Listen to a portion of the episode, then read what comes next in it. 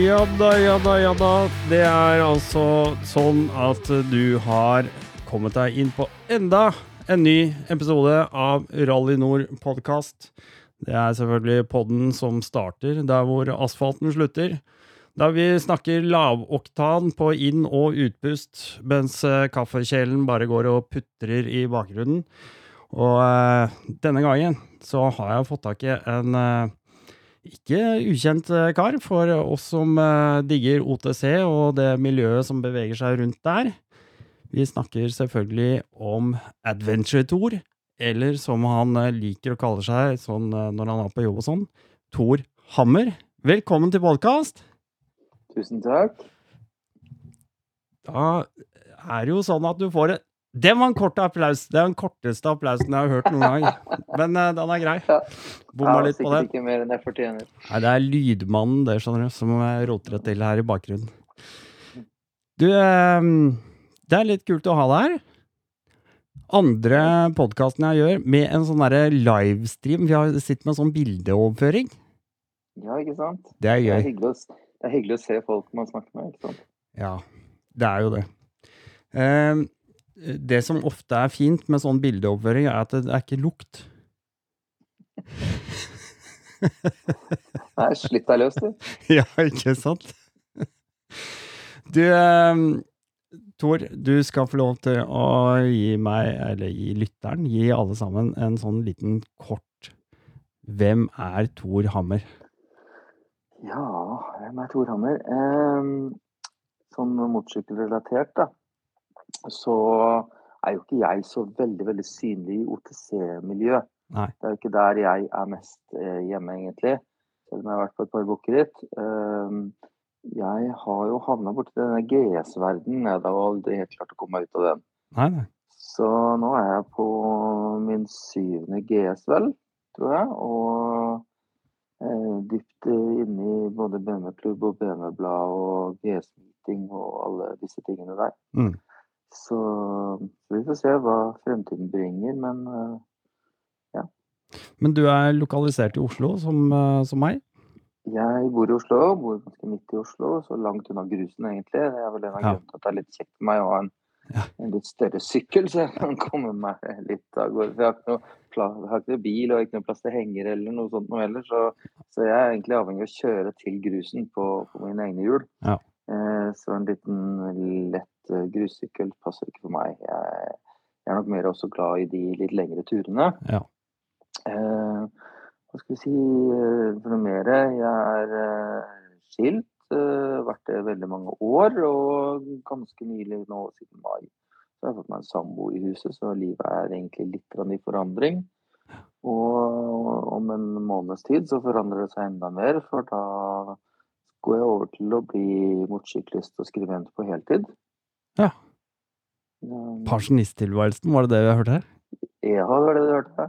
Ja, Eller delvis pensjonist. Ja. I hvert fall hvert fall slutt på å være lønnsmottaker. ja, ja. eh, Og være i det fengselet. Mm. Så skal vi bare gjøre gøye ting. Du, jeg syns det høres eh, helt fantastisk ut. Og så må jeg si da at eh, dette er eh, det å kjøre GS, altså det, det høres nesten ut som du er litt sånn flau over det. Det, det skal du aldeles ikke være, altså. Det er ikke noe sånn der er- 'unnskyld at jeg er til, jeg kjører bare GS'. Jeg skjønner jeg, bare- Det er eh, altså GS, det, det tror jeg alle vet at det er på en måte vi, vi kjenner, vi som kjenner historien, langt over 40 år med GS BMW, vi veit hvor eh, røttene til dette ligger hen. Vi vet hvor det kommer fra. Og vi, de som har vært så heldige å eie en BMW GS også, de, eh, jeg vil si to, kanskje 90-95% er jo har jo ikke glemt den sykkelen. Nei da. Er, jeg er superfornøyd. Det er jo en grunn til at jeg er der. Men eh, jeg vet jo det at det, i, i OTC-miljøet så er jo folk gjerne glad i noe som er litt lettere å bakse med gjørma, da. Og det er jo dritgøy, så jeg skjønner jo det. Jo, men de, de Du skjønner at det, mange av de har en GS stående hjemme, de skjønner du. Ja, når de er på bukkerittet. Så det er, eh, det er ikke noe det er ikke noe å bry seg om. Det er, det er helt supert. Og det går fint an å kjøre ganske rått med en GS også. Det, Ja, ja, for de som er unge og spreke og tåler litt, eh, så går jo det. Jeg er jo en eldre, forsiktig herre, da, så jeg det blir nok litt mer med ro med åra. Vi skal komme mer tilbake på det, for jeg er veldig jeg er keen på å høre mer om uh, dine adventures, egentlig. Det er jeg virkelig. Um, og i og med at vi prater litt om det altså Vi er jo inne på Hva er det du sa for noe? Seks-sju GS-er du har hatt?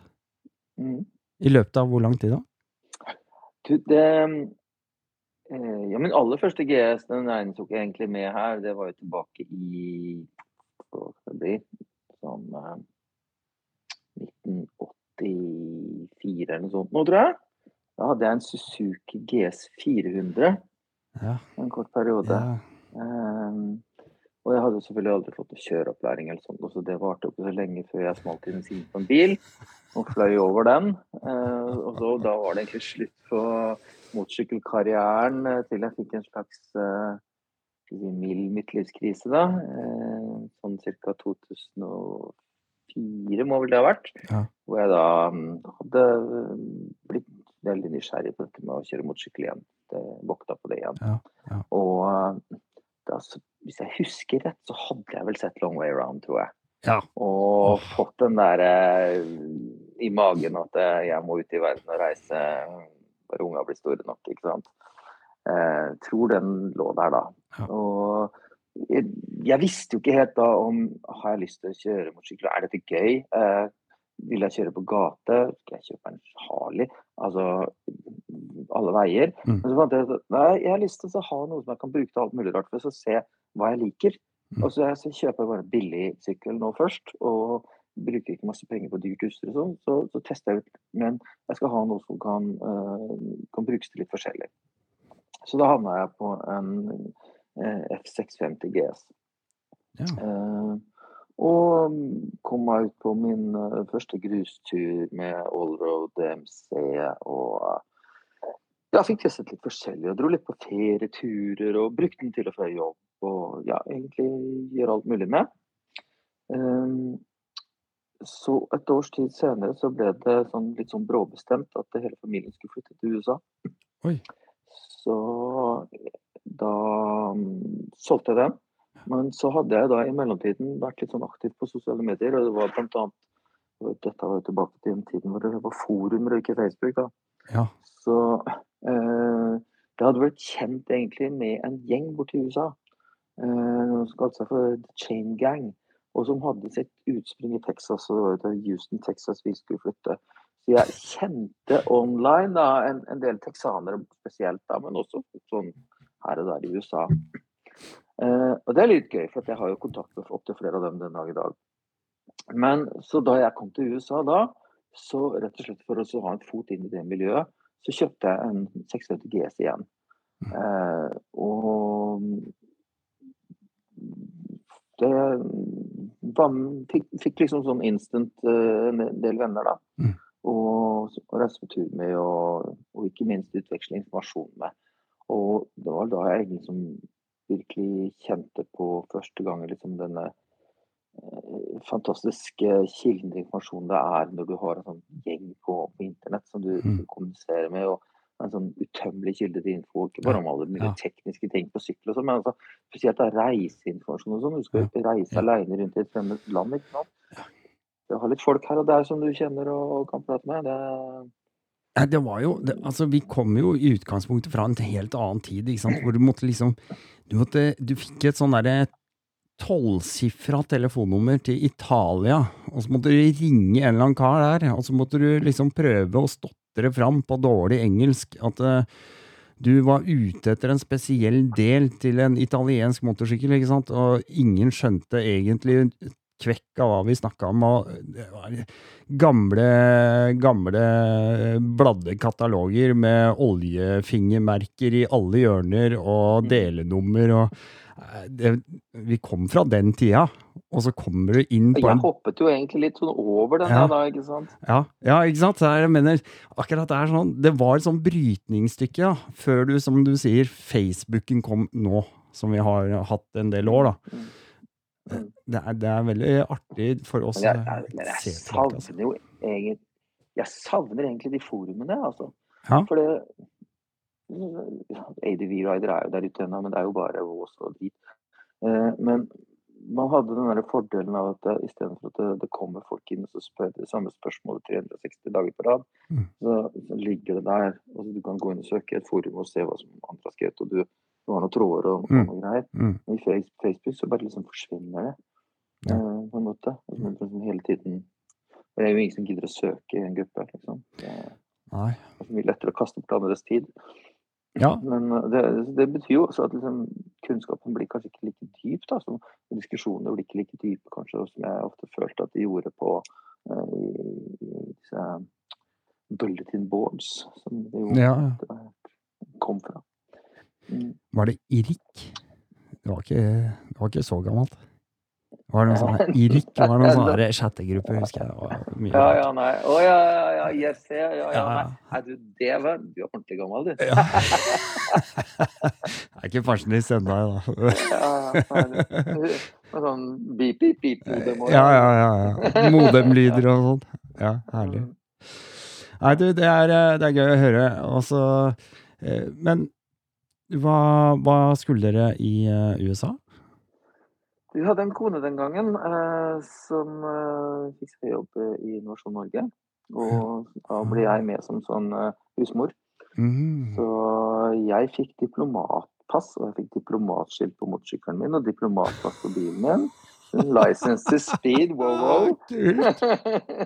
Ja, det var litt kult.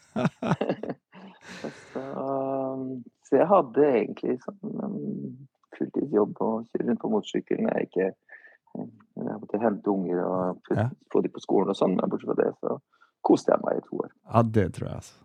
Det høres sinnssykt kult ut. Du, jeg er litt eh, Vi må jo, jeg må jo høre litt hva, hva skjedde? Når er det du kom tilbake igjen da? Det var det kom- fem eller noe sånt? Ja, seks? Nei, vi, kom til, vi var der borte fra 2000 og, det 2005 til 2007. Oh, ja. ja. Så jeg kom tilbake da i 2007. Mm. Ble det boksemotor da, eller? Nei, jeg tok faktisk med meg den sykkelen eh, tilbake. Ja. Eh, jeg ble Vi var ute på en sånn siste tur der borte. eh, og så ble jeg meidende bakfra. Oi. Og så fikk jeg liksom sånn halvveis fiksa den ferdig, og så rakk jeg liksom ikke å selge og sånn, så det ble at jeg bare hev den bak i flyttekonteineren.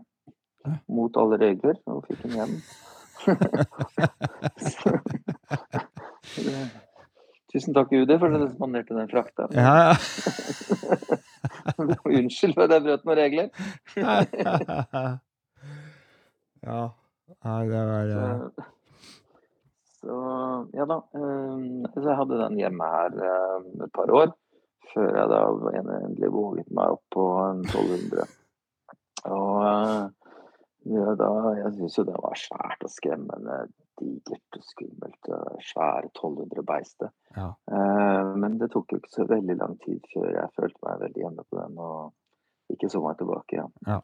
Nei, den er skummel eh, med en gang. Det er sånn når jeg kommer og skal hente den Jeg husker jeg henta min i 07. Og jeg henta min på MC Oslo. Og den sto på midtstøtta, ikke sant. Og da er den jo så høy. Faen, han rakk meg til opp under armen omtrent, vet du. Og jævlig brei. Faen, jeg tenkte åssen i helvete skal jeg komme meg ut her? Var, du husker jo hvor tettpakka med sykler og sånn var på utsida der. Mm. Jeg var livredd for å tråkle meg ut der, altså ut i Maløyveien for å komme meg videre ut der. Fy fader.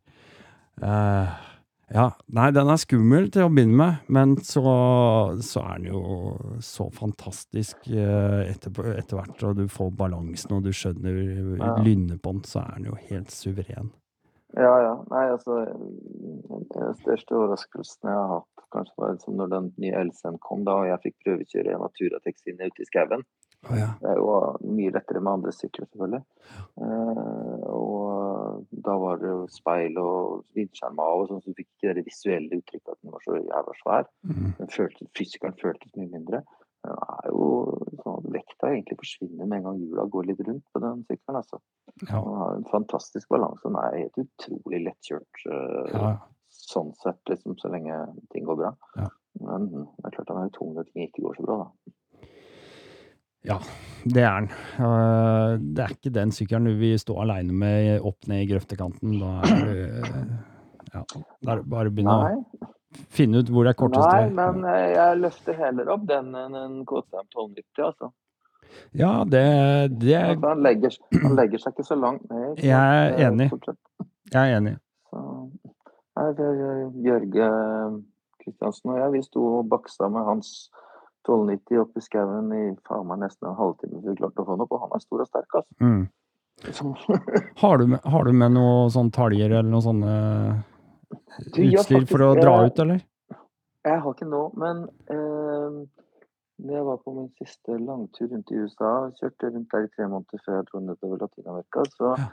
Så snekra vi sammen en sånn uh, liten jekk av en gammel krykke og noe, Ja. og sånn jekkestropp og sånn, ja. som jeg hadde med. Og den redda meg ute i noe løssand ute i Utah en gang. Jeg ikke klart å få opp Du, jeg- uten, altså. Jeg vil gjerne, jeg skal avbryte deg litt, for den der historien der, det må vi få litt mer fra starten av etter hvert. Men uh, det, det har balla på seg med GS. Uh, du, du nevner GS-meeting, uh, blant annet. Eh, Adventure Days. Og så har jo tatt helt av i forhold til Horizons Unlimited og det- Ja. Du har, du har masse på Ja, jeg har jo vært med mm, og vært som turleder på, på GS-meeting i ganske mange år. mm, Eh, Med Oskar Egeberg. Med Oskar Egeberg, eh, Mr. GS himself, Ja, ja. eh, som eneveldig diktator. Eh, nå delvis opplyst det er det vi kaller det?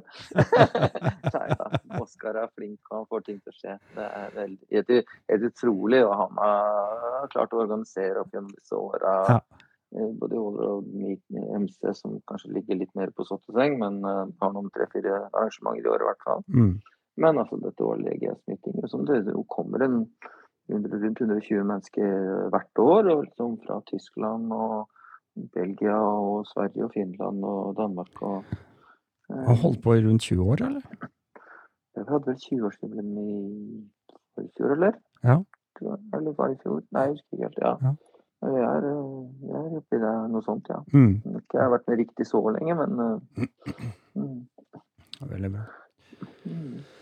Adventure Days i Sefsen, Sverige. Ja, det er jo litt en annen type arrangement. Det var jo, ble jo startet av om det som hadde initiativet, om det var BMW Nordic eller om det var Turatec den gangen. Men i hvert fall var Turatec som sto for arrangementet. Da, og så var var BMW med og betalte en del og sånn. Så det er jo Mens eh, GS-meeting, det er jo helt nedpå å ligge i telt og trekke seg bak sjøl. Ja. Så er jo Turatec, eller nå da Ride Nordic sitt eh, Adventure Days, er jo en helt annen liga. Vi bor fint på hytter og Mm. spiser godt på hotell og blir underholdt av trubadurer og, og greier, ikke sant, og bergingsservice. Og, Mm. så, så det er en helt annen profesjonalitet på, på arrangementet sånn sett, men selve kjøringen er ganske lik, og det er jo veldig mange av de turlederne. Og jeg vil si kanskje at terrenget er jo bedre rundt på Finnskogen der vi holder til med GS-meeting, så jeg syns kanskje selve kjøringen er morsommere der. Mm. Men det er kanskje litt Er det ikke mer eh, Jeg har ikke vært på det her Adventure Days, men er ikke det mer sånn løyper og diverse vanskelighetsgrader og sånn? Ja, vi gjør det samme egentlig. Vi, har, vi deler den i ulike vanskelighetsgrader og, og, og hastigheter, så det ligner veldig på hverandre. Ok. Eh, Vi gjør det altså. Og vi har jo dratt med oss å være så Beklager, nå plinger det litt den meldingen inn her. Jeg håper ikke det ødelegger opptaket ditt. Um, eh, så uh, Hvor var jeg?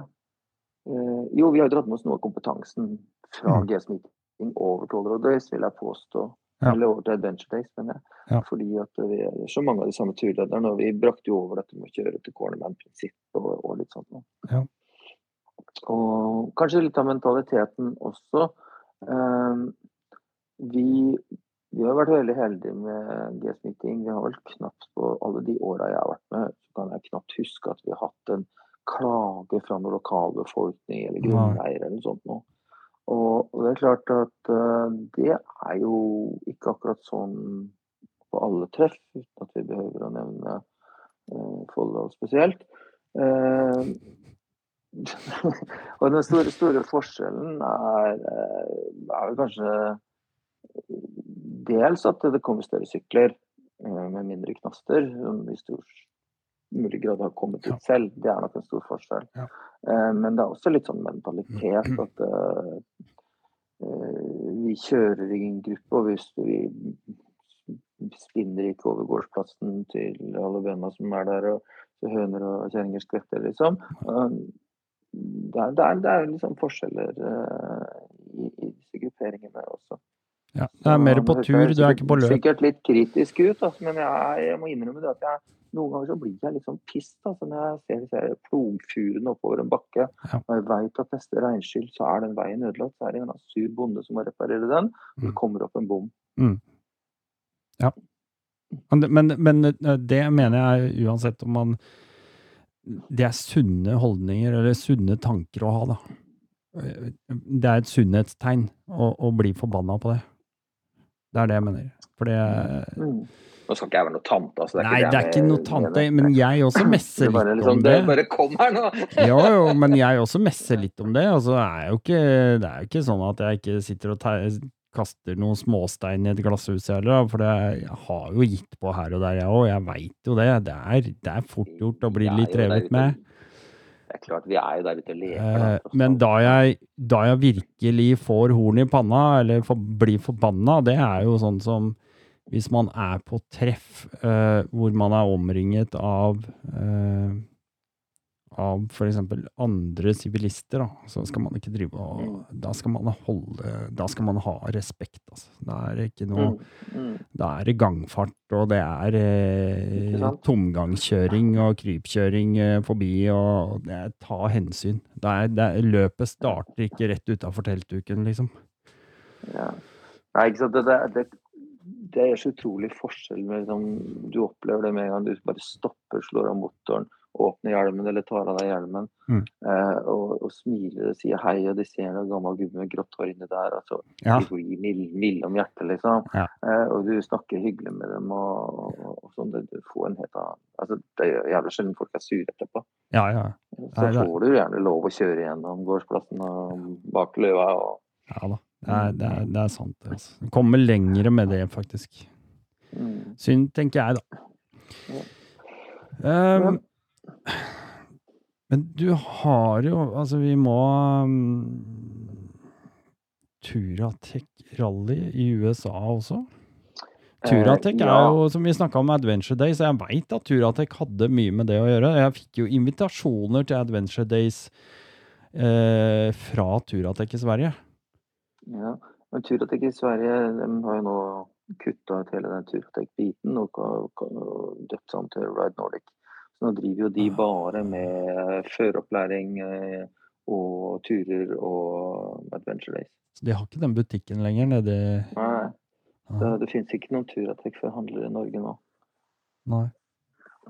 Nei, jeg tenkte på i Sverige. Eller i Norden. Ja, nei, det finnes ikke. Ikke, ikke der heller. Nei. Mm, Handler direkte fra Tyskland. Ja, der kan du se. Det er. Det er lenge siden jeg har hatt GS, skjønner du. Ja, de lager ting til som andre typer òg. Ja, det er sant. Det er sant. Men Turatec Rally USA, det er Turatec.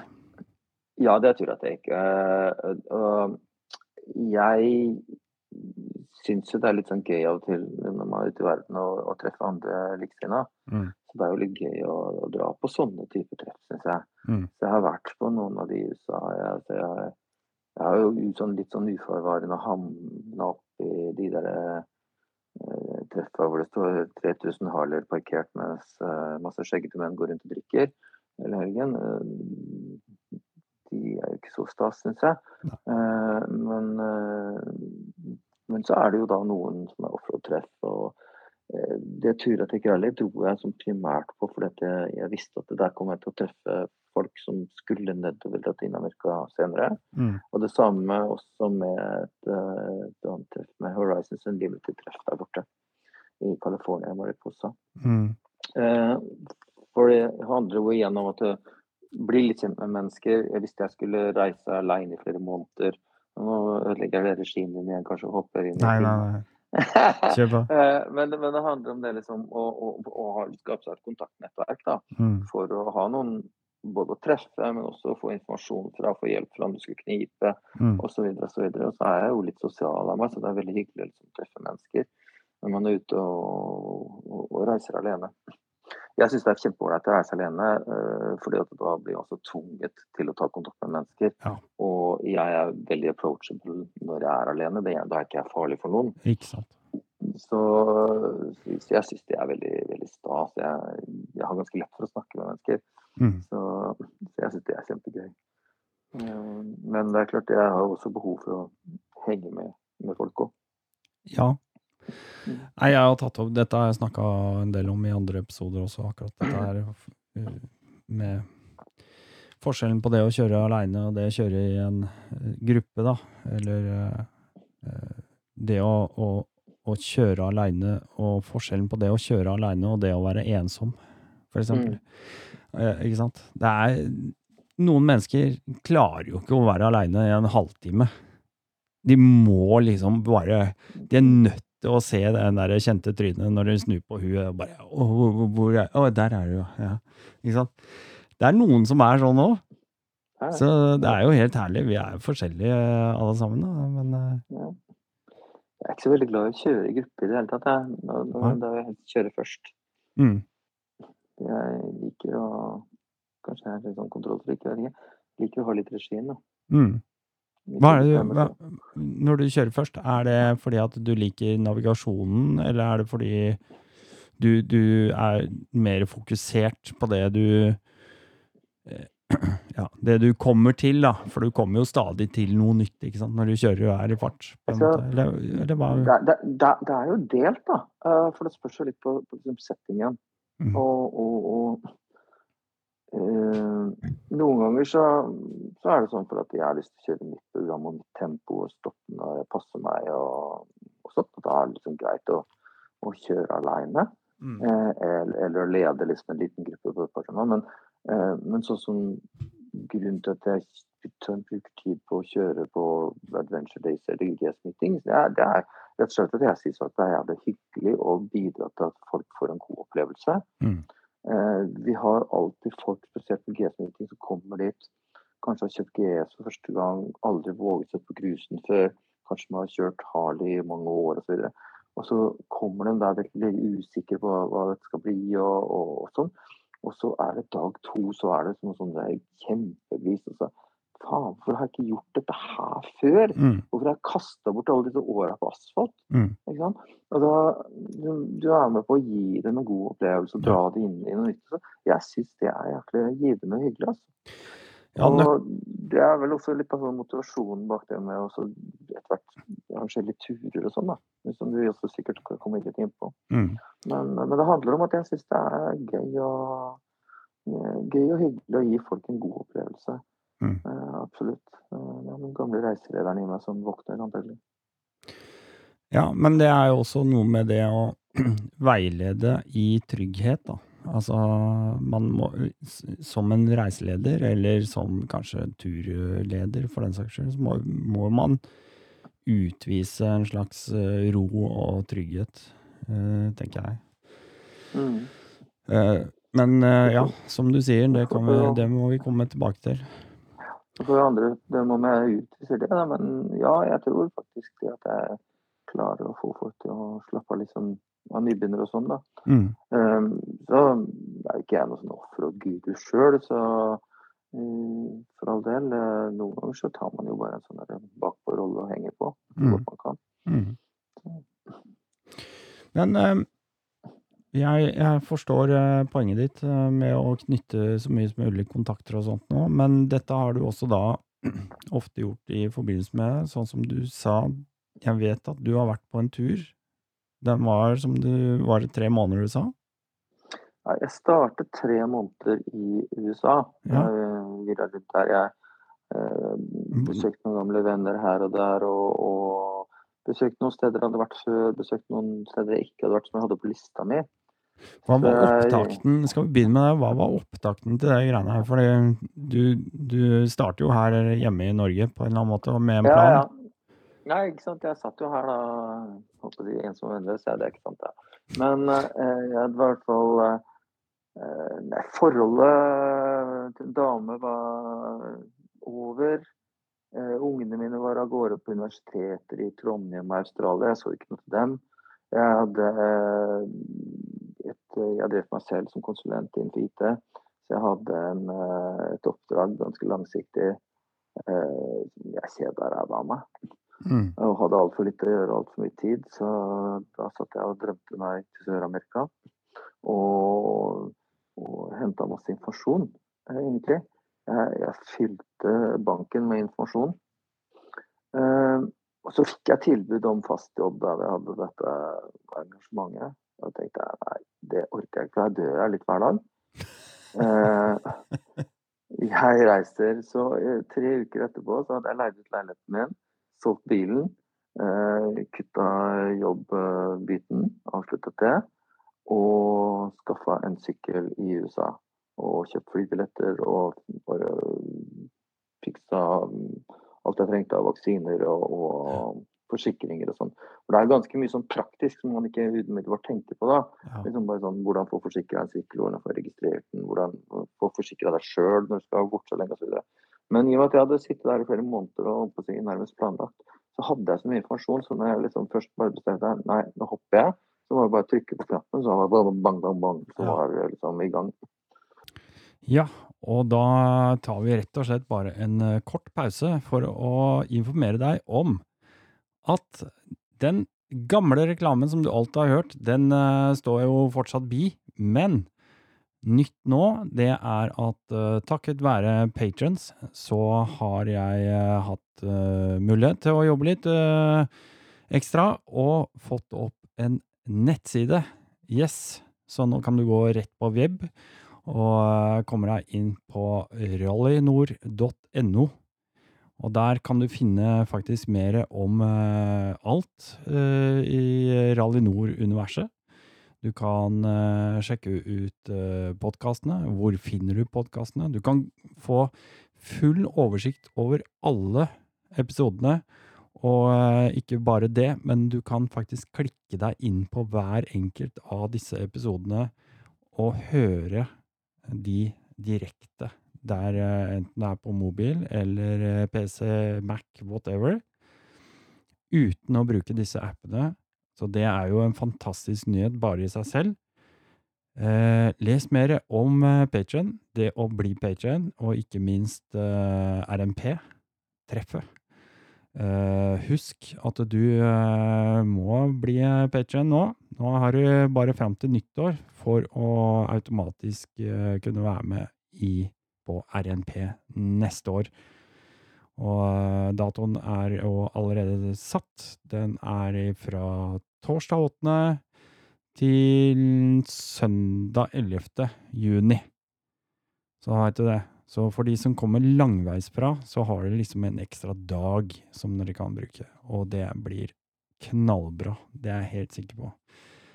Eh, gå inn og få med deg litt grann om uh, det jeg kaller partnere. Eller som er på en måte folk som har vært med, folk som er uh, litt sånn Ja. Vi er liksom alle partnere i dette lille miljøet, føler jeg, på en måte. Ehm, og så er det var det, det var en ting til. Det var en ting til. Jo, der kan du også sende meg e-post, selvfølgelig, hvis det er eh, ting du lurer på, eller har lyst til å fortelle om, eller at du har noe på hjertet som du mener hører til i Rally Nord-podkast. Dette ble en eh, lang eh, greie. Men ehm, den siste tingen som jeg må nevne, det er ukeslutt. Det er en egen post. Det er eh, Det blir på en måte min eh, lille blogg. Den skal jeg prøve å holde litt oppdatert sånn av og til. Der er det litt mer utløp for eh, mine egne personlige preferanser og erfaringer og meninger. De skal jeg stå for helt selv.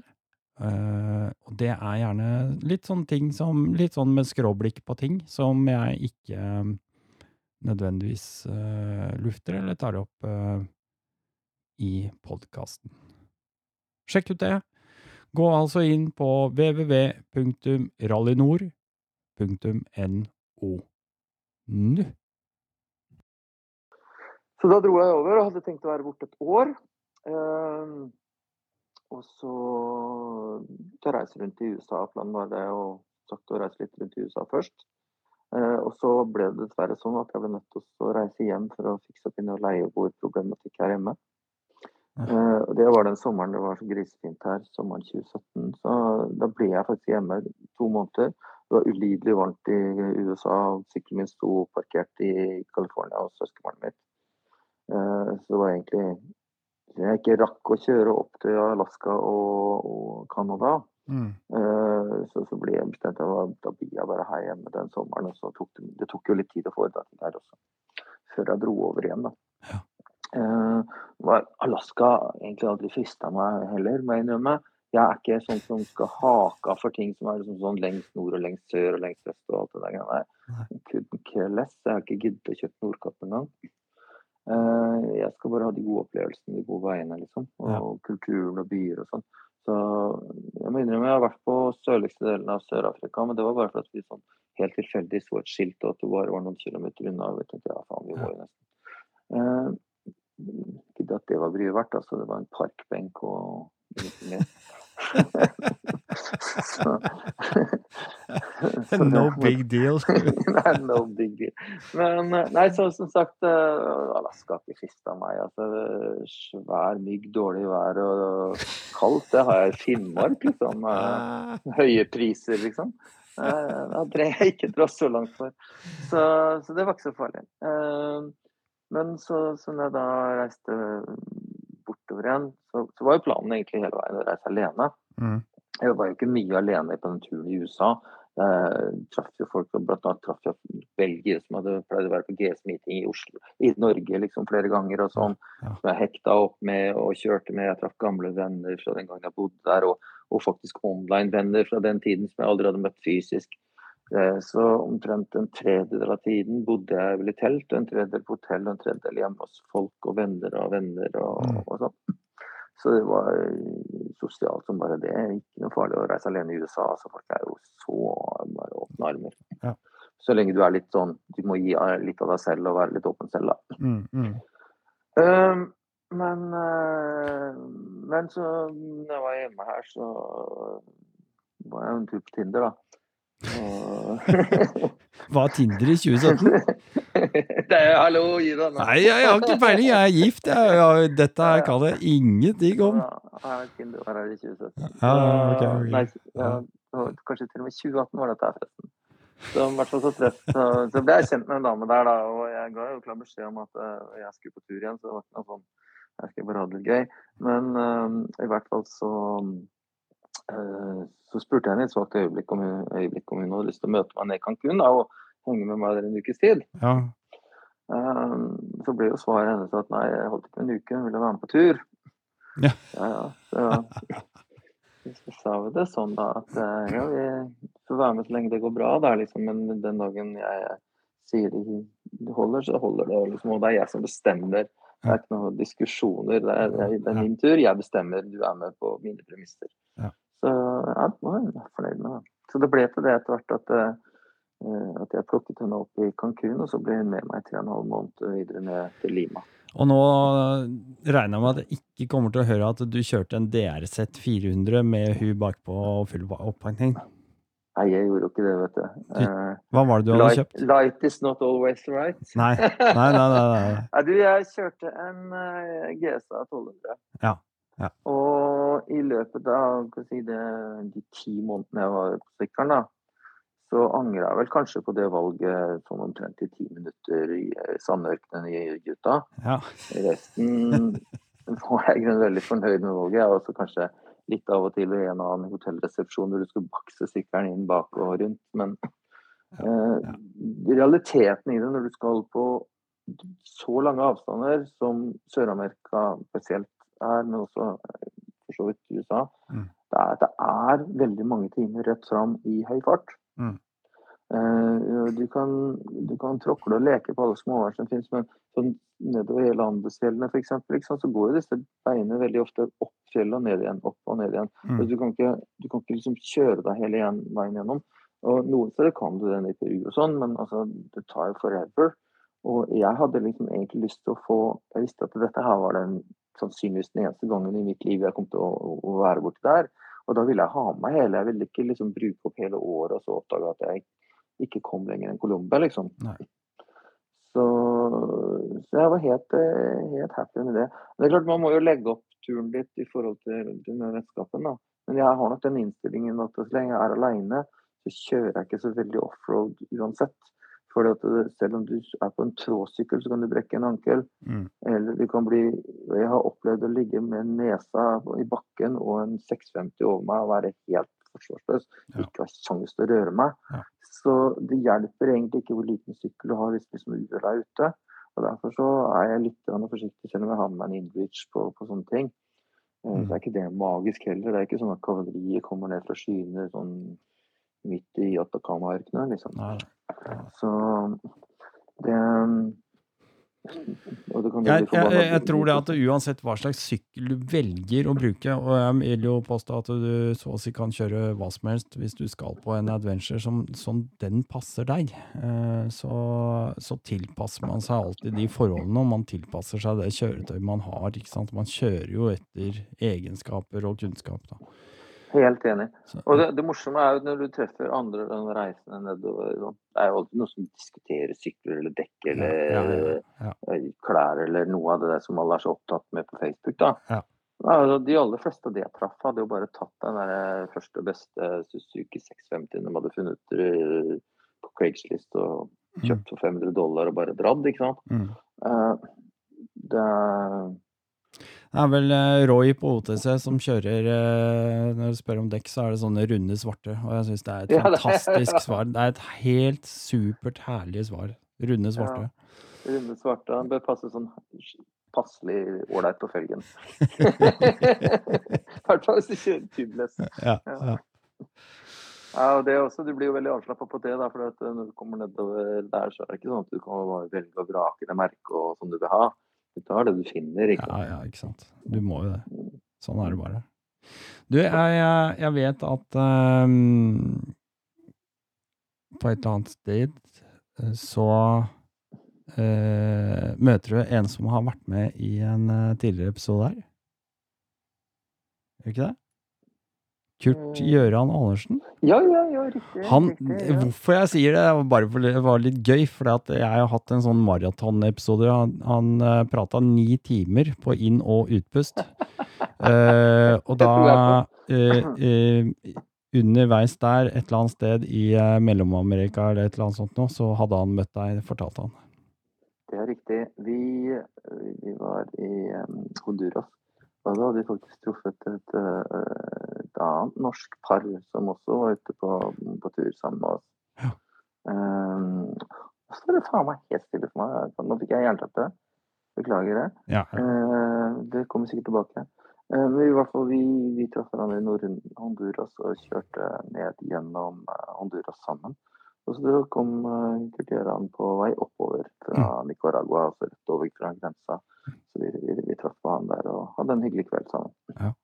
ja herlig. Da har vi bare, det er herlig når to linjer bare møtes der. Sånn, på den Ja. måten. Det er litt gøy. Og igjen, ikke sant, det er jo ikke helt tilfeldig. Det er jo det at vi er aktive på sosiale medier som Ja. gjør at vi får sånt til å skje. ikke sant? Mm. Vi visste at han var på vei oppover, han visste at vi var på vei nedover. og Mm. Og vi klarte å treffe hverandre, og det er jo alltid hyggelig. Ja. Han hadde, jo, han hadde jo da ikke vært så heldig med sykkelvalget sitt. Nei. Men uh, gikk i stykker hver dag, tror jeg. Ja. I flere år. Stemmer. Det stemmer. Det var uh, Yamahaen, det. Ja. Yamaha 660. Han kom kjørende med den til meg. Uh, Det kan jeg si, da, bare som en sånn liten digresjon. Han eh, kom hjem fra den turen. Da hadde han jo den Yamahaen med seg. en 660 XD eh, hva- Hvilken modell er det? Jeg husker ikke hva det heter. akkurat. Heter XT, XT660, tror jeg den heter. XD660. Ikke? Ja. For jeg hadde bygd opp en eh, Honda CRF 250 Rally som jeg hadde bygd om til en sånn overlander. Hvor jeg hadde fjerna masse unødvendig plast, og jeg hadde hivd på Camel-tanker og IMS-tank. og altså Jeg hadde jo aksjonsradius på 60 mil, ikke sant? Den der lille Mm. CRF-en. Og bygd om demper og alt var gjort. Men altså, han var veldig keen på en sånn, men han syntes den blei det blei nok litt for uh, pimpa for hans sin del. Men nå i dag veit jeg at han eier to stykker. Han har én i Norge, og så har han én i Thailand, så vidt jeg vet. Sånn uh, CRF 250. Det er fantastiske sykler, det òg. Helt i andre enden av skalaen, men uh, veldig ålreit. Doreen hadde vel også en sånn en som hun skulle selge. Ikke om hun har fått solgt den? Ja, hun uh, Doreen Lampia, hun uh, la ut den her uh, nå for litt siden, ja. Kjøpte seg, hva var det for noe, 690? Jeg tror det. Sånn er det. Sånn er det. Mm. Nei da. Jeg skal ikke avbryte deg. Det var min lille digresjon her. Men, men du har Hvordan endte denne turen nedover? Eh, hvordan det endte? Jo, det endte godt, holdt jeg på å si. det var happy ending? Ja, happy ending. Uh. Nei, det, altså, det var en fantastisk opplevelse. Jeg har vel aldri levd så mye som jeg gjorde det året der, liksom. Mm. Uh, den, eh, du får aldri den samme følelsen når du er tre uker på ferie. Da er du på ferie fra livet ditt og, og, sånn bare en kort periode. Mm. Men når du kommer over en viss si, tid, og du veit du skal være borte lenge, så er det det som blir livet ditt. Mm. Og jeg syns det var en sånn helt utrolig opplevelse og ikke, at ingen forventet noe av meg. Og jeg hadde jo egentlig vært veldig bevisst på det at jeg ikke skulle gjøre noen avtale med noen om å skrive noe for noen blader eller ha noen forpliktelser. Jeg eh, tenkte, hadde så ambisjoner da jeg først begynte å tenke på det. Da skal jeg ha med droner og kameraer og hei på deg. Eh, og så begynte jeg å se litt på eh, så på Lynden Posket liksom, hvor, hvor jævla proff han var. Og han hadde egen folk som redigerte for seg. Og, og, og, og det er liksom content som jeg aldri kunne måle meg med. Og så begynte jeg å se på så hvor mange er som ser på dette her. Og så bare Hæ? Dette er jo meningsløst. Eh, Det er jo nesten ingen. Eh, og så Men det var ikke sant? Det var jo ikke det. Du må Nei, det var- du må jo være søt ung dame som Mitchie for å få opp seertallet. Ja. Eh, all ære til henne, altså, for all del. Hun er dritflink, hun, altså. Ja. Men, eh, men så, så dermed så bare bestemte jeg meg for Nei, faen heller. Denne turen her, den er bare for meg. Og jeg hadde vel med meg et GoPro, jeg tror ikke jeg brukte den mange ganger. Eh, Men ellers tok jeg bilder med mobiltelefonen min, og så eh, opprettet jeg en liten side på Facebook som var mest for venner og familie. Mm. Og så la jeg ut en tre-fire bilder og så en liten kort tekst hver dag. Og det var et sånt format som egentlig traff bra, for plutselig så var det mange mange hundre som fulgte meg. Ja. Og det var litt gøy, da. Så jeg hadde sånn litt sånn daglige oppdateringer. Men, men det var også bare sånn by accident og, og sånn. Men jeg, jeg ville rett og slett ikke bare ha noen sånn forpliktelser. Og, og det, det er en sånn utrolig følelse. Det var ingen arbeidsgivere som forventet noe av meg. Ingen damer, ingen unger. Ingen. Jeg kunne gjøre hva faen jeg ville. Mm. Og det eneste jeg visste liksom, hver morgen jeg våkna, var at ja, jeg vet ikke hvor jeg skal spise i dag, jeg vet ikke hvor jeg skal sove i kveld, jeg vet ikke hva jeg skal se, men jeg vet bare at jeg skal oppleve å se ting jeg aldri har sett før. Ja. Og, og det ordner seg. Mm. Jeg kommer til å treffe noen hyggelige mennesker, kommer til å ha noen fine opplevelser, og sola skinner antagelig. Og, Mm. Og det ordner seg. og Jeg får sikkert en pils i kveld òg. Mm. Så eh, en helt uh, utrolig frihetsfølelse som jeg egentlig unner alle å oppleve. Men man må tørre å hoppe. Mm. Man må tørre å kaste loss. Ja, det er akkurat det. Men uh, ja, når du har kjangs, ja. Mm. For det, folk overkompliserer sånt som dette her. De Mm. tenker at det er så jævlig vanskelig, Mm. og det er så mye skummelt og så mye skal skje og sånn. Ja, det er to vanskelige ting. Det ene er å tørre å kaste loss, og det andre er å komme hjem og gå inn i et A4-liv. Ja. Og det siste er verst. Det er det.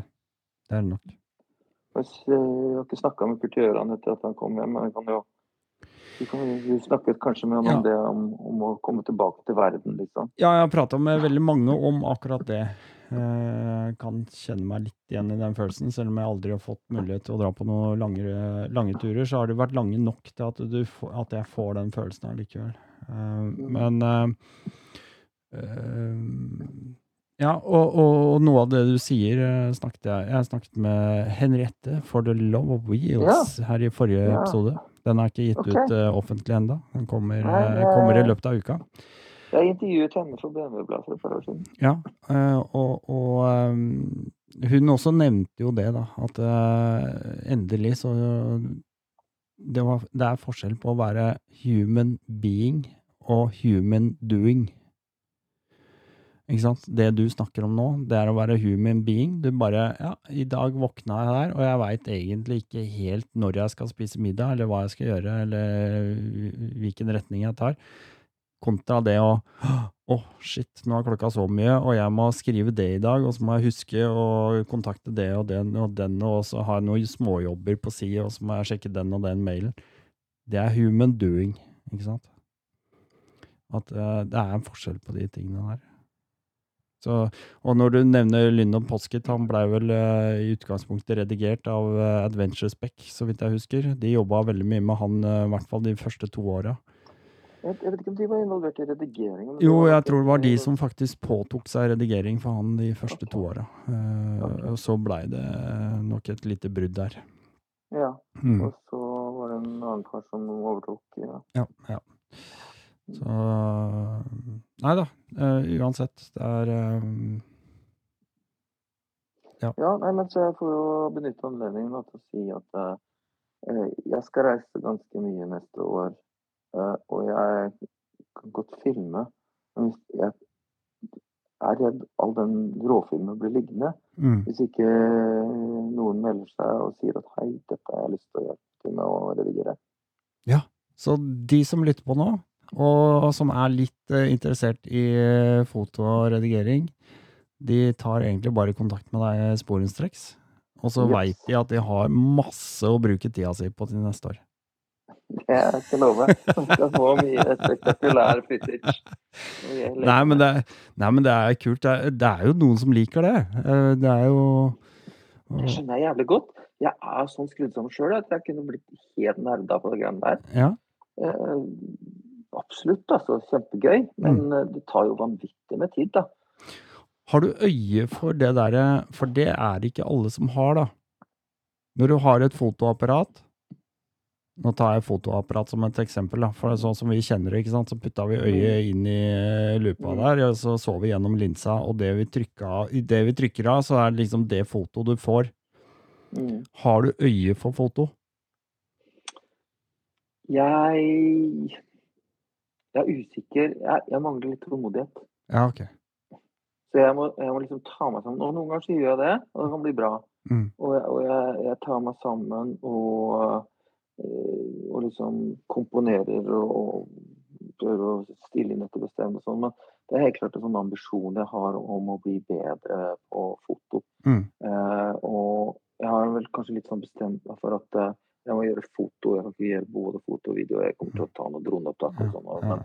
Men dro, ja, dronene mine kommer til å bli brukt mest stillbilder, rett og slett. For at jeg, i hvert fall hvis jeg ikke får noen som jeg kan jobbe sammen med, som kan redigere det til noe. Ja, ja.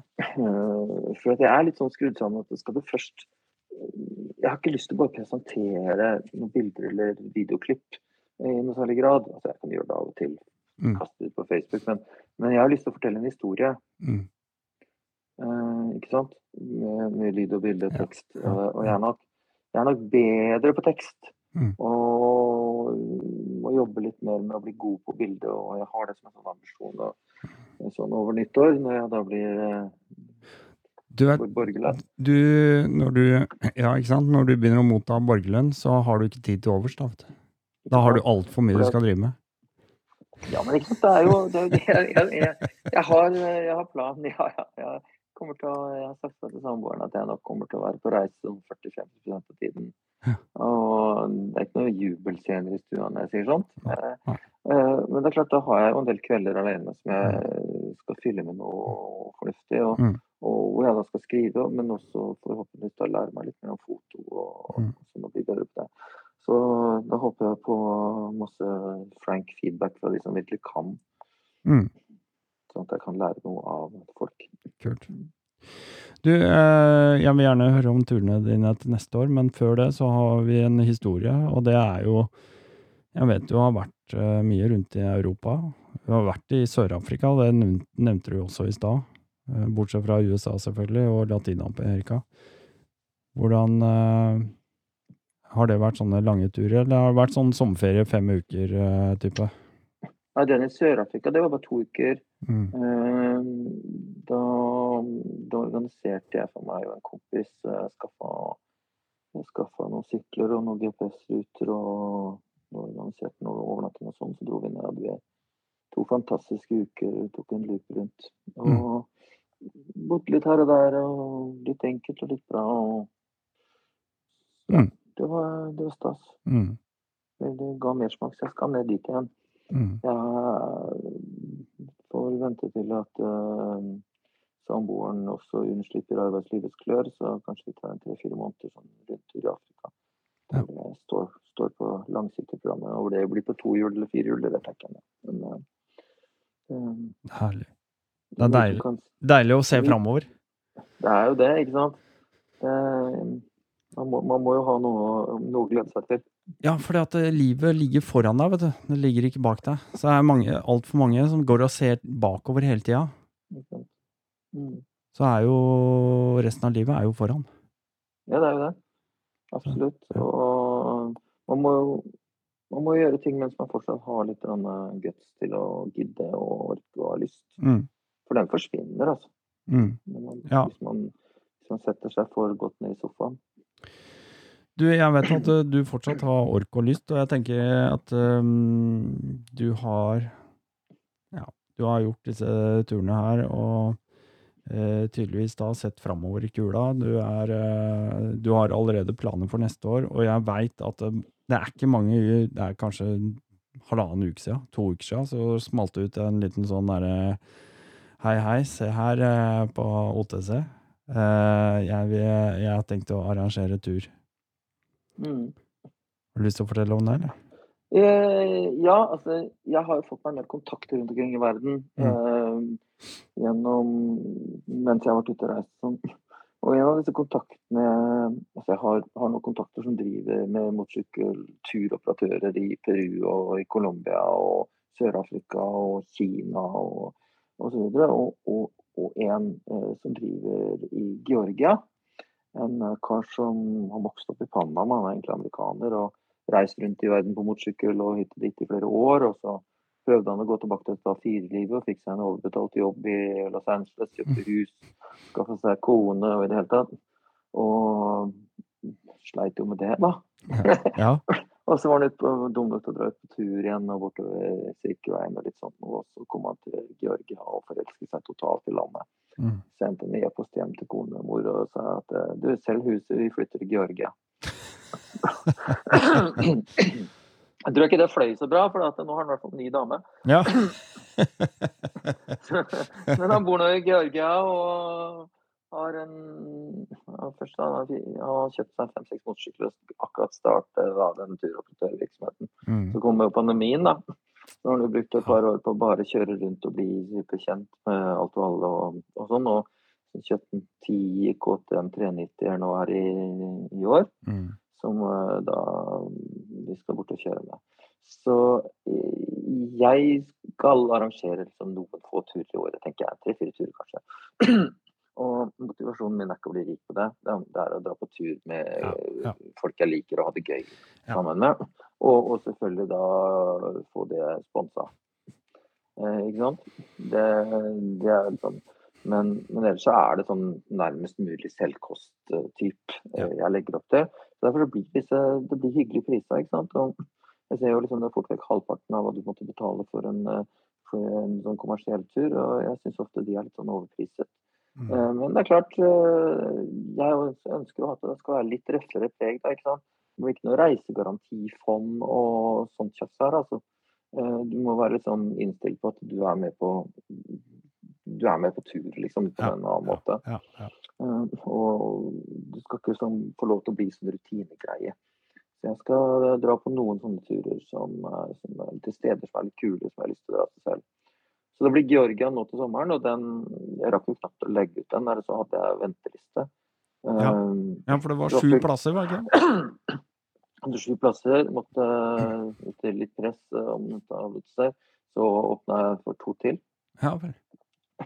Så nå blir vi ti på tur. Uh, da er vi for mange nok til at vi sikkert kommer til å splitte gruppa når vi kjører. sånn til dag. Ja. Men det får holde. Det er egentlig litt, eh, litt flere, men Eh, så nå blir det ti på den turen der. Og så tenker jeg nok at jeg kommer til å kjøre den igjen neste år. Mm. Eller til 2024, da. Ja, ja. Eh, Jeg har allerede fem-seks mann på venteliste som har lyst til å være med på det. Ja. Så, ja, så det, det er gøy. Og så, så skal jeg tur til uh, India og Himalaya i september. Den var det egentlig meningen jeg skulle ta i år. Eh, så fant jeg at det var litt dårlig gjort og sånn nytt forhold og ny samboer og sånn, og stikke av hele sommerferien. Og i år så var jeg rammet av arbeidslivet, så jeg måtte så ta til sommerferie. Ja, ja. Eh, Så jeg utsatte det et år. Eh, hadde en kompis, en amerikansk kompis som tok den i år. Og han sa han har vært verden over og kjørt alle mulige steder. Og han bare sa og han var sånn litt sånn skeptisk til sånn gruppetur, da, akkurat Ja, ja, som meg. Litt sånn individualist og vil helst gjøre ting sjøl. Han bare rapporterte at det har vært helt fantastisk. Det var liksom det beste han har vært med på ever. ikke sant? Ja, Så det gleder jeg meg helt vilt. Altså. Men da er jeg bare vanlig deltaker, i hvert fall i år. Så får vi Mm. se. Kanskje, kanskje at jeg inviterer med noen uh, i 2024 på, på en tur der òg. Mm. Dette er en sånn liten liksom, spesialgreie. Det er fire turer med maks 15 i gruppa. Ok. ok. Eh, så Er det Indian Er det sånn eh, Royal Enfield eh, det blir på Royal Himalayan Enfield, det ja. Ja. Men det blir jo, det er jo en del sånn røffere og tøffere enn si, sånn gjennomsnittlige turistturene. Eh, mange av disse turene er det jo veldig veldig mange deltakere på, og, Mm. og, og sånn, og med ymse kjøreferdigheter. Så Ja. her er det litt mer krevende, og det er litt røffere Ja. overnattinger. Stiller litt mer krav til eh, deltakeren. Ja. Det er liksom litt mer eventyr, da. Ja, ja. Og det er jo det jeg ønsker. Mm. Altså, jeg er ikke en sånn macho-type som som, på døde liv skal bære GS-en gjennom alle gjørmehull som fins, men det er eh, Nei, men det skal være ekte, ikke sant? Det skal være Ja, det er liksom litt det, ikke sant. Ja. Det skal være noe sånt. Du Mm. skal føle at du, at du liksom ikke helt Det det kan være litt på kant. Mm. Og så håper jeg å få dratt på en scoutingtur i Nord-Vietnam til høsten. Eh, Sånn at jeg kan også arrangere noe forhåpentligvis der eh, i vinteren 2024. Det, det har jeg også lyst til. Mye spennende. Ja, mye spennende. Men eh, i og med alle disse tingene som ligger framfor deg, foran deg, og det hadde vært kult å høre mer om det, men jeg regner med uansett at uh, om du er her eller ikke, så kommer du til å skrive om dette her. For at uh, du er jo nå skribent også. Ja, det er jo liksom planen, da.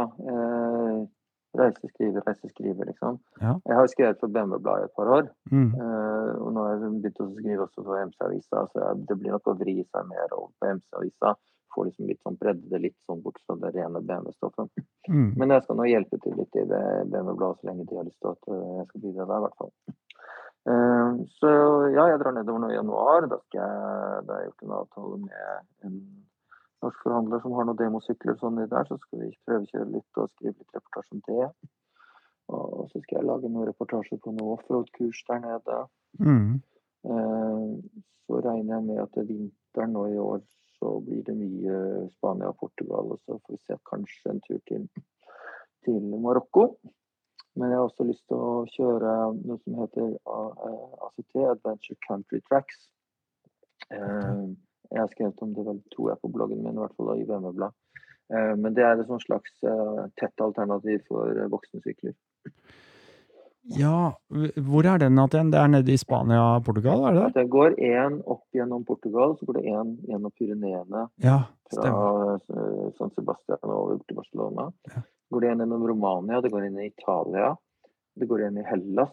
Og nå, eh, akkurat nå eh, ble det lansert en gjennom eh, Wales og eh, ja, gjennom Storbritannia. Jeg vet ikke akkurat hvor enda. Men de er over på Isle of Man, vet jeg blant annet. Og Vi tar den for lytteren en gang til. Hva var det, den, hva var det du kalte den? Adventure Country Tracks. Ok, Mm. da det, Og det er faktisk eh, De som eh, følger med litt, så har de sikkert hørt om noe som heter BDR i, i USA. Backcountry Discovery Routes. Mm. Og det var et initiativ som ble startet egentlig av han som drev Turatek til USA, Mm. og fikk med seg en del andre sånn leverandørfolk da, og andre direktører og sånn. Så de lagde offroad-ruter gjennom ulike stater i USA. Mm. Uh, og så lagt opp sånn at du kan kjøre disse rutene i prinsippet på en uke. Eller sånn ti-fem dager, da. Mm. Og greia er at du skal kunne ta en uke ferie og ha et eventyr. Og så har de da tatt med seg alle disse direktørene rundt, og så har de et skikkelig fint team, og så har de lagd en ukesfilm. Mm. eh, Eller en, en film da om, om, om hver av disse turene. Så eh, ACT følger egentlig samme sporet.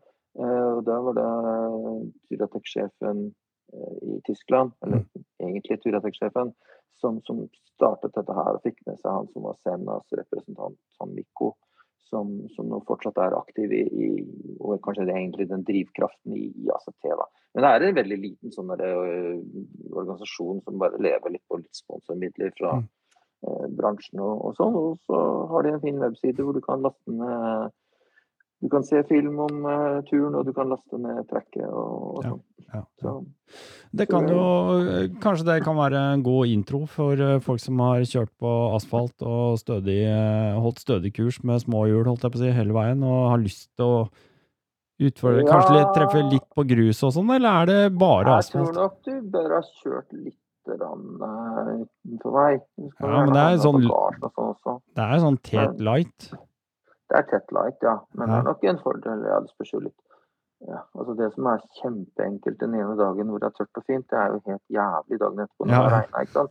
Man vet jo aldri hvor vanskelig ting er. Nei, nei. Eh, men jeg tror nok det bør ha litt, litt gruserfaring, i hvert fall. Og kjørt litt over Mm. stokk og stein eh, for å kjøre de. Mm. Eh, være, jeg vet det er noen bratte partier med mye løs stein annet i Portugal. Ja. Men hvis det er noen som har lyst til å, til å henge med til sånn utpå vårparten, kanskje spesielt gjennom Pyreneene, Mm. så ta gjerne kontakt, så ser vi hva vi kan finne på. Jeg har, syk, jeg har sykkelen min der nede nå, men uh, det går alltid sånn å få frakta ned en sykkel. òg. Stilig. Da er jeg spent på om noen av lytterne faktisk tar den utfordringa og tar kontakt med deg. Det har vært kult. Det har vært kult. Men uh, um, ja, det, det blir veldig spennende, da. Jeg har eh, Jeg skal være helt ærlig, det er lenge siden jeg har lest eh, Lest eh, den blekka, holdt jeg på å si. Men eh, eh, det blir gøy å se på resultatet av eh, spalter og skriverier. Ja, altså det er klart trykte magasiner er jo en nedadgående spiral. Det, er- det er jo det. Men vi, vi har jo gjort en sånn leserundersøkelse i VM-blad spesielt. da. Mm. Um, vi spurte folk om skal vi liksom drite i det her og gjøre som NMSU og bare gå på nett, liksom. Mm, mm. Og det var veldig veldig tydelig tilbakemelding at nei, det skal jeg ikke gjøre. Vi har papirblekka. Mm. Og den skal ikke bli noe større eller for den akkurat passe stor til å lese på dass, liksom. Ja, ikke sant? Ja, ja, ja. Så folk setter veldig pris på det, men det er klart at det er jo stadig færre som leser. eh, Det er det.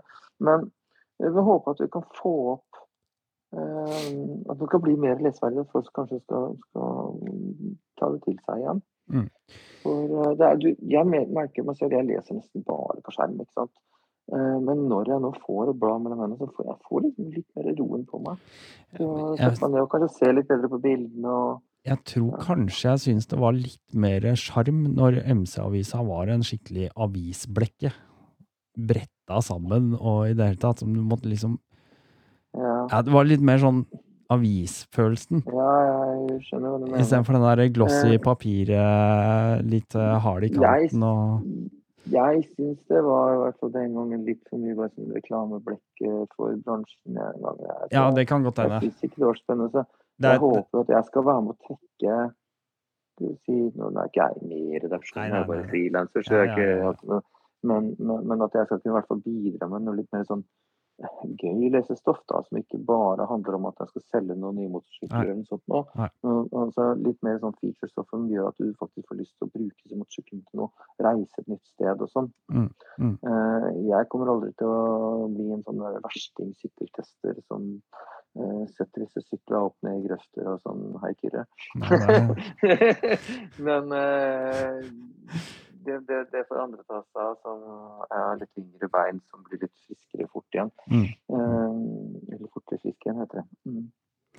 Men, eh, men jeg, jeg, jeg har lyst til å formidle opplevelser Ja. liksom, og, og eventyr, og, og, og at folk skal få lyst til å liksom, løfte seg opp av stua og, og dra til et nytt sted og ta litt sjanser og sånn. nei, det, er, eh, det er gøy å, å ja, kunne lese ting fysisk igjen i, i bladperm fortsatt. Det er det. Men uh, Adventure Tour, Ja. Hvor, altså, du, du har drevet med IT, som du sier, da. men det dukka vel opp et eller annet sted?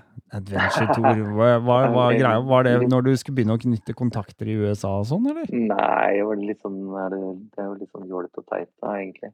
Uh, nei, du uh, Nei, det er jo ikke det. Det er jo ikke det. Altså, et navn som fenger, altså et navn folk legger merke til, det er ikke teit. Nei, det er kanskje ikke det. Nei, det har jo funka. Men det som skjedde, da, det var litt sånn jeg, Som jeg sa, så jobbet jeg jo for meg selv. Og da jeg kom tilbake og var på tur og sånn, eh, så var jeg litt sånn litt uten oppdrag en stund. Så jeg hadde litt tid. Så tenkte jeg OK, nå skal jeg Først så begynte jeg, liksom, tenkte jeg nå jeg blogge litt og sånn. Så måtte jeg bare finne på et navn, da. ikke sant? Og så fant jeg ut at uh, nå skal jeg bare sette opp en liten nettbutikk bare for å se hvordan, bare lære meg hele prosessen fra A til Å. Liksom, fra å skaffe varer til uh, å skippe dem og regnskap og alt imellom, liksom. Mm. Så jeg bare satte opp, smekka opp uh, da, et nettsted og en nettbutikk i veldig, veldig full fart. Uh, litt for full fart, for nå må jeg nok antagelig bygge om i løpet av vinteren, tenker jeg. Hvis det skal vokse videre. Men, Men sånn var det nå. Det har funka et par år i hvert fall. Og da liksom, tenkte jeg OK, da kaster jeg den også. Og så har det liksom vokst litt, så tenker jeg ja. Så har jeg jo gått liksom og tenkt sånn etter hvert at jeg forhåpentligvis skal få muligheten til å pensjonere meg litt til og, og, og, og, gjøre gøye ting. Og, mm. og kanskje arrangere turer og sånn. Og det kan være greit å ha et lite, lite band, da. Mm. Så, så jeg liksom prøvde bare sånn litt sånn halvhjertet å lage det til et sånn merkevare, brand-greier som folk kjenner igjen. Og det er jo som du sier, folk, folk, kjenner det jo igjen. altså Jeg opplever det stadig vekk. altså eh, Senest jeg hilste på en fyr oppe på MC Oslo som jeg ikke har hilst på før. og å ja, du er han? Ja, og... ja, ikke sant? Er ikke det, det er kult, det? Ja, det er Du, det er litt Ja, det er bare en, nok en digresjon. Jeg driver nå og jobber med egen nettside. og Den håper jeg å lansere nå 1.12. Så det blir bra. Så spennende, da. Hva skal ja. vi hete da? Nei, det er jo Rally Nord, selvfølgelig. Ja, det er ja, Rally Nord. Det, det, kan ikke bli noe annet. Nei. Så Nei, det er gøy. Jeg, jeg trenger det, for at det er for mye løse tråder. Ja, for jeg, søk, jeg, prøvde å søke deg For liksom, Jeg kommer jo ja. bare til, eh, til sånn lenkeside med, med podkastene dine. Ja, ja. Så jeg savnet jo at de var rammet inn et sted i en uh, Så alt dette her driver jeg og samler nå. Det er liksom uh, litt om, eh, og det blir eh, ja, oversikt over episoder og utgitte episoder, og hvor du kan finne dem, og linker til diverse og Ja. ja men må du lenke inn meg òg, da, så skal jeg lenke tilbake til deg. Ja. Gjerne. Kom igjen. det er name of the game, det er det ikke det? Jo, jo, jo. Sånn er det. Jeg har faktisk ikke vært så veldig opptatt av det i det hele tatt. Jeg har ikke mast noe sted på at jeg skal liksom for å uh, pushe opp noe sånt tall eller noe sånt. Uh, hvis folk vil ha informasjon som jeg legger ut på siden min, så fine. Liksom. Jeg har ikke noen reklame der, ingenting. Nei, nei. Du, uh, hva, hva, selger du på nettsida di? Eller hva uh, Jo, jeg, jeg, selger litt sånn gøye ting, da. mest sånne ting som enten er litt ugreit å få tak i her mm. i Norge, fordi det ikke finnes noen andre som selger det. Eh, eller ting som jeg syns er ubluhøyt prisa i Norge. Så det er en ja. grådig distributør. Mm. Uh, og så, så, tar jeg inn litt produkter fra derfra. Det var heller aldri ment å skulle være noe, noe stor greie. Uh, så jeg har, aldri, jeg har, aldri, brukt fem kroner på markedsføring. Men uh, det tikker og går, så jeg selger hva er det jeg selger nå? Denali eh, lys og CamSmart og alle de tingene der og, og alt det tilhørende. Eh, og EasyCan, som jo er de som egentlig lager Denali CanSmart. Jeg vet ikke om du vet hva det er, men eh, det er eh, da en gizmo som du plugger inn i, inn i ledningsnettet på en Cambus-sykkel, og som da gjør at du kan styre lys og alt mulig sånt. Ja. Eh, jeg lager før det egentlig bare til, til denne, mm. men jeg kan egentlig skaffe til Ashley Twin og til Harley og til mm. diverse KTM-er og Triumph og, og sånn. Så, men jeg har valgt å liksom holde meg til det jeg kan. Mm. Og så er det også noe med det at uh, ja, Harley-folka de er sikkert betalingsvillige som søren, men jeg kan ingenting om den verdenen, så da skal jeg ikke rote meg borti det.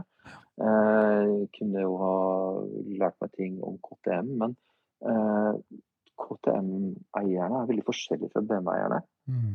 Eh, inntrykket mitt er at KTM-eierne er veldig raske til å gå til en utenlandsk nettbutikk for å spare ti kroner.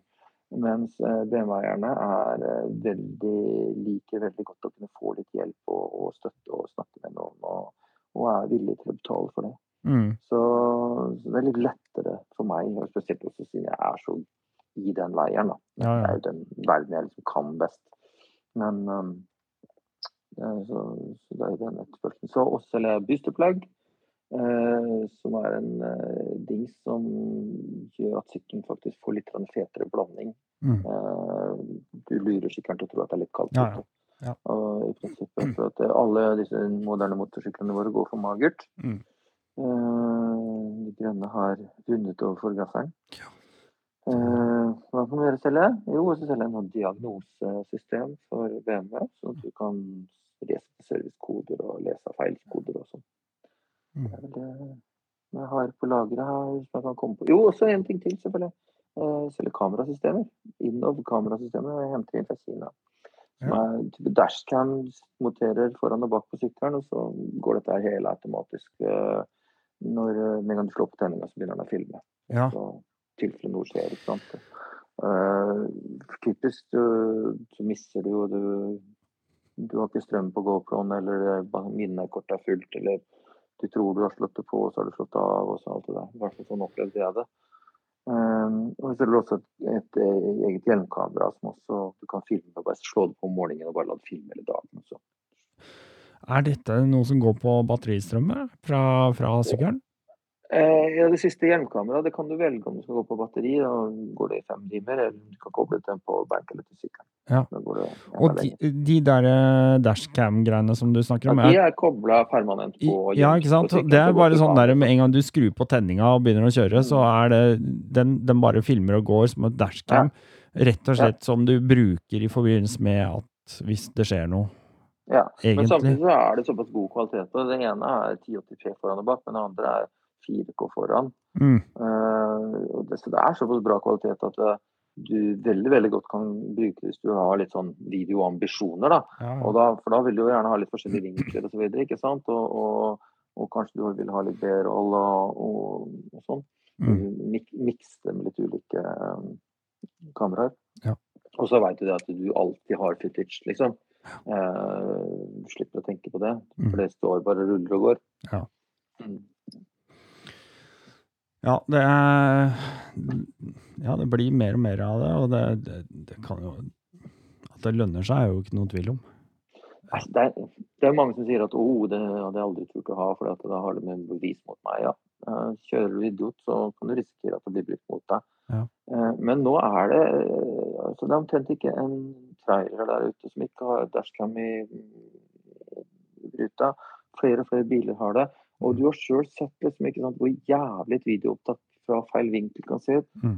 Du er i en situasjon hvor du sitter der på sykkelen og ser langt fram og ikke har noe problem i hele tatt i verden. Eh, Det er supertrygt, og så Mm. er det en video fra en fyr bak deg i bil. Eh, Kanskje et kamera litt på høyre side i bilen til og med. Og, og, og det ser livsfarlig ut. Mm. Og så kommer du opp i en eller annen sak, liksom, så er det den videoen mot ditt ord. Mm. Eh, Det kan være greit å ha sin egen video, altså. Mm. Mm. Eh, Eller selvfølgelig om noen kjører på deg, eller ja. Så Men- men, det får eh, jo være enkelt tenke over, liksom. Eh, Men det har vært veldig mange sånne filmer, og, og noen av de har jo også blitt lekka ut og vist i, i f.eks. VG ikke sant, og, sånne ting. mm. Men uh, politiet har jo henlagt alle de sakene. De bruker ikke de der videoene til å felle andre. Altså, hvis du Ah, Nei, det er i hvert fall det jeg har lest, da. Så er det jo sånn, hvis jeg hadde kjørt med dashkameraet mitt her på Ringveien, så hadde det kommet en kar og blåst forbi meg i 130 Helt uten at det har skjedd noe, bortsett fra at det Mm, farta at mm. det den var jævlig høy.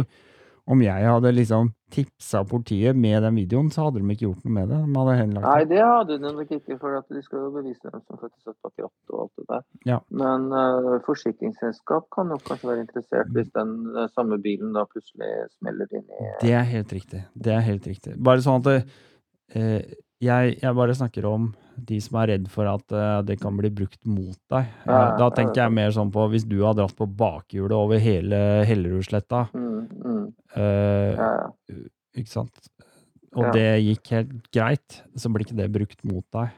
Uh, tror jeg det. nei da, det, det er sant. Men hvis du, ser, hvis, du, hvis du da er i en ulykke, da, du tryner i den, den Hellerudsletta, og du er bevis på sykkelen din, så kan det jo det bli brukt mot deg. Det er helt klart. Det er, Men uh, det er igjen, uh, er det det er en oppfordring til deg om Det å bare holde deg på hjulet. Jeg merker jo faktisk at det har en litt sånn Kanskje litt sånn effekt på meg sjøl at jeg faktisk er litt forsiktigere når jeg veit at jeg har det kameraet som står der og ruller òg. Mm.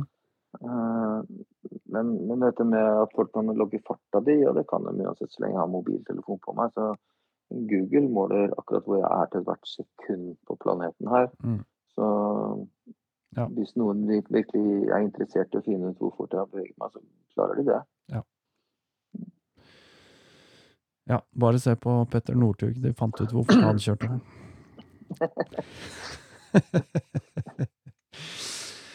Du, det er, eh, det er alltid kult å få lov til å, å eh, prate med nye folk og sånn som deg. Det er, eh, jeg liker det. Det er, det er så gøy å høre historier og, og liksom de kreative folka som liksom Ja, bare go for it, da. Kast lås, gjør det du vil. Lag en nettside, selg kule duppetitter eller et eller annet.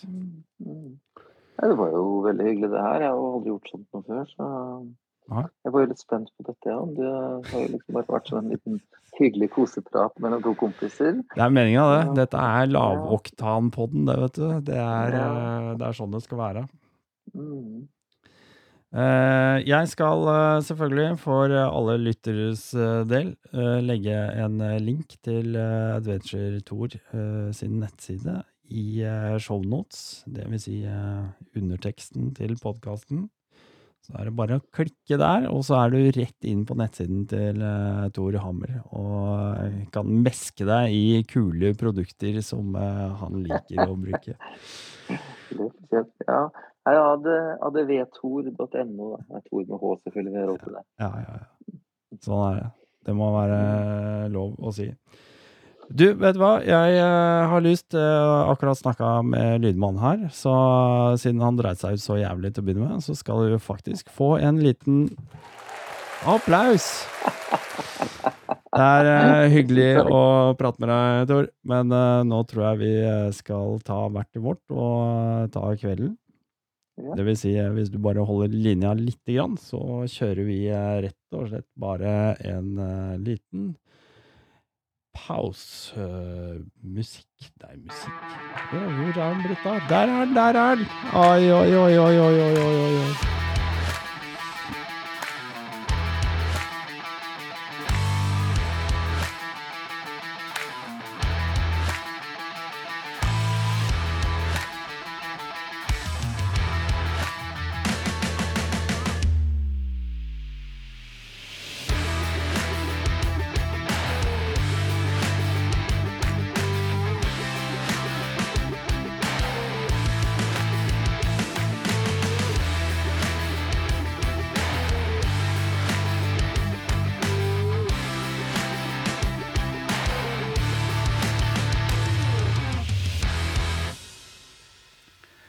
Hei, det er Geir Uklestad fra Offroad Turingklubb. Jeg har et tips som jeg gjerne vil dele med deg.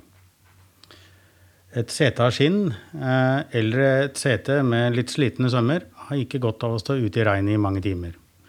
Stopp i setet kan absorbere ganske mye vann. Et regntrekk til ryggsekk kan fungere perfekt som midlertidig regntrekk for et MC-sete. De finnes i flere størrelser og farger. Det er noe glattere enn originalsetetrekket, men det går an å kjøre med det. Sammenpakket får du plass i lomma eller strippes fatt på sykkelen et passende sted. Hvis du vil lese mer om dette, kan du gjøre det på www.otc-mc.org. Ja, og som dere vet, så er jo denne episoden også sponset av patrons. Eh, og det er jo sånn at eh, av GDPR-lovgivning så kan ikke jeg eh, bare opplyse om etternavn på patrons. Det sier seg selv, det er helt umulig. Og dermed så har vi valgt å vrenge lyden for at uh, ingen skal kjenne dem igjen uh, der ute i offentlighet.